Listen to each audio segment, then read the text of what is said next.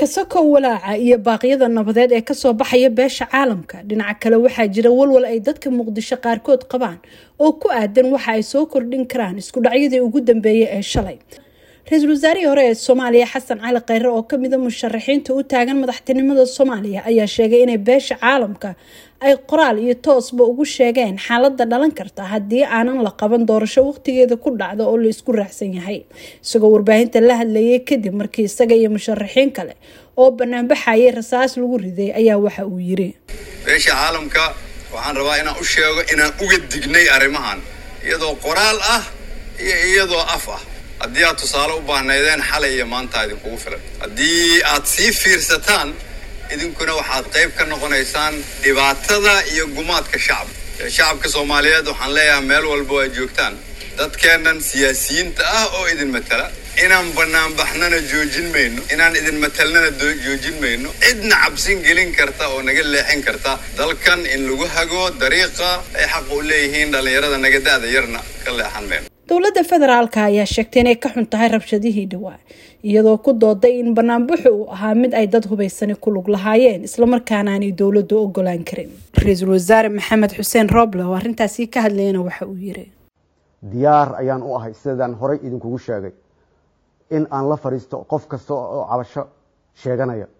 Haddii ahaan lahayd mid doorasho mid amni iyo mid kaleba waxaan leeyahay qof kasta soomaali ah xaq oo dastuuri ah ayuu u leeyahay inuu mudaaharaado. Laakiin waa inuu mudaaharaadkaasi noqdaa mudaaharaad nabadeed oo ay ilaalinayaan ciidamada jamhuuriyadda federaalk soomaaliya. Raalli marnaba kama noqonayay.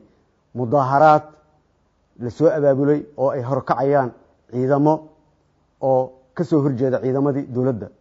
Dhinaca kalena waxaa shalay gelinkii dambe banaanbax uu ka dhacay afaafka hore ee wasaaradda arrimaha dibadda mareykanka ee magaalada tan washington d c dad aan sidaasi u sii badnayn oo soomaali ah ayaa isugu tegay halkaasi. Mid kamida dadkii soo qabanqaabiyey kana qeyb galay oo lagu magacaabo maxamed daahir sheekh aadan oo loo yaqaano maktal daahir ayaan weydiiyey waxa uu ahaa ujeedka banaanbaxooda ujeedadiisu wuxuu ahaa midda u horeysa waxaanu ku taageeraynay oo la safannahay shacbiga iyaga soomaaliyeed ee xamar jooga ee dowladda waktigu ka dhacay ay ku amar ku taagleynayso in ay banaanbaxaan oo ay sameeyaan banaanbax nabadgelyo. Waxaanu aada uga gubanay in shacbi aan hubaysnayn oo si nabadgelyaa u banaanbaxaya sababta ugu weynaan u soo baxnay iyadoo baraf jiro iyadoo covid jiro iyadoo wax jiro inaanu u muujino in guda iyo dibaddaba aanu shacbiga la safanahay muqdal waxa uu ii sheegay in ay u gudbeen wasaaradda arrimaha dibadda ashtako markaasi ka dhana safiirka mareykanka u fadhiya soomaaliya donald yamamota. Beesha caalamka ayaa ka soo saartay qoraallo kala duwan iyana oo ay ku cambaareynayaan rabshadihii muqdisho iyagoo dhinaca kalena ugu baaqay in xaaladda la dejiyo.